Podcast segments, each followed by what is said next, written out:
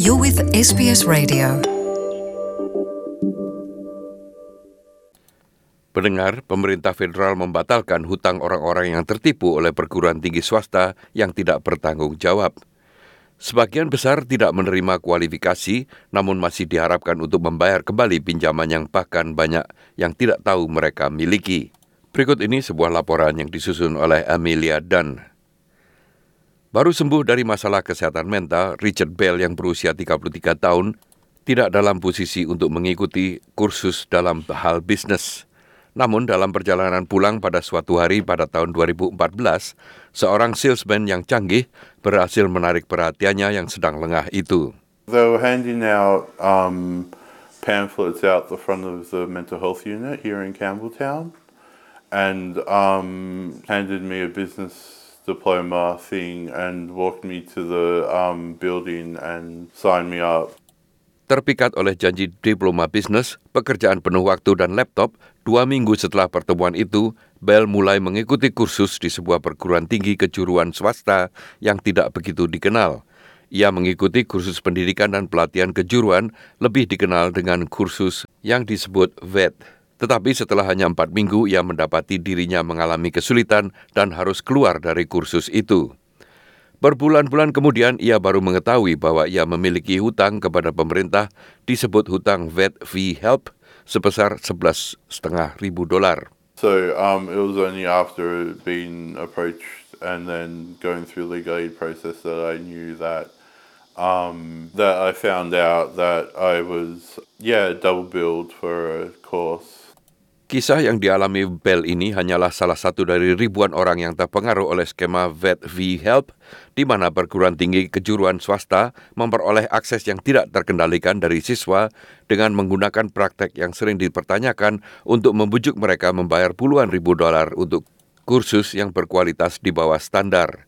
Joe Evans dari Legal Aid New South Wales mengatakan sudah sering mendengar cerita serupa. So the problem is you have a lot of people who um, have started these courses haven't completed them. They've got no training outcomes whatsoever or very little training outcomes, but they have a large debt. Banyak utang ini sekarang akan dihapuskan oleh undang-undang federal yang baru yang mulai diperkenalkan pada tanggal 1 Januari tahun ini. Menteri Keterampilan dan Pendidikan Kejuruan Michaela Cash menegaskan semua hutang akibat dari penipuan oleh operator yang tidak bertanggung jawab akan dihapuskan. So we will ensure that where that debt has been occurred inappropriately, the Secretary of the Department now has the power to waive that debt. 8.000 siswa sejauh ini telah diganti kerugian sebagai bagian dari skema ganti rugi.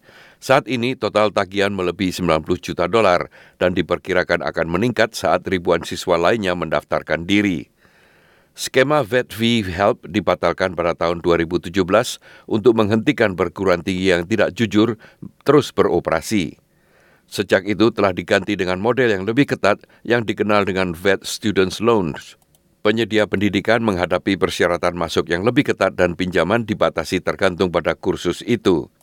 Namun demikian, ahli hukum, CEO dari Consumer Action Law Center, Gerard Brody mengatakan bahwa korban yang dieksploitasi berasal dari komunitas negara yang paling rentan. It was often very vulnerable people that were targeted by these colleges, including new migrants, uh, people were targeted when they were leaving the Centrelink office, uh, those that were looking for jobs, uh, and even uh, remote Aboriginal and Torres Strait Islander communities in Australia. Ia mengatakan orang-orang harus menghubungi ombudsman jika mereka percaya memenuhi syarat. Namun ia juga percaya lembaga pemerintah seperti kantor pajak harus mengambil tanggung jawab lebih besar untuk melindungi para siswa. Many people only find out that they have these debts when they do their tax return. So I think it's really important that the um, bureaucrats like the tax office are really proactive to ensure people are aware of their rights and to facilitate those complaints to the VET Student, Student Loans Ombudsman. Demikian tadi sebuah rangkuman mengenai tindakan pemerintah yang akan menghapuskan hutang-hutang para siswa yang menjadi korban penipuan oleh sekolah kejuruan yang tidak bertanggung jawab. Enjoy more stories in your language by visiting sbs.com.au.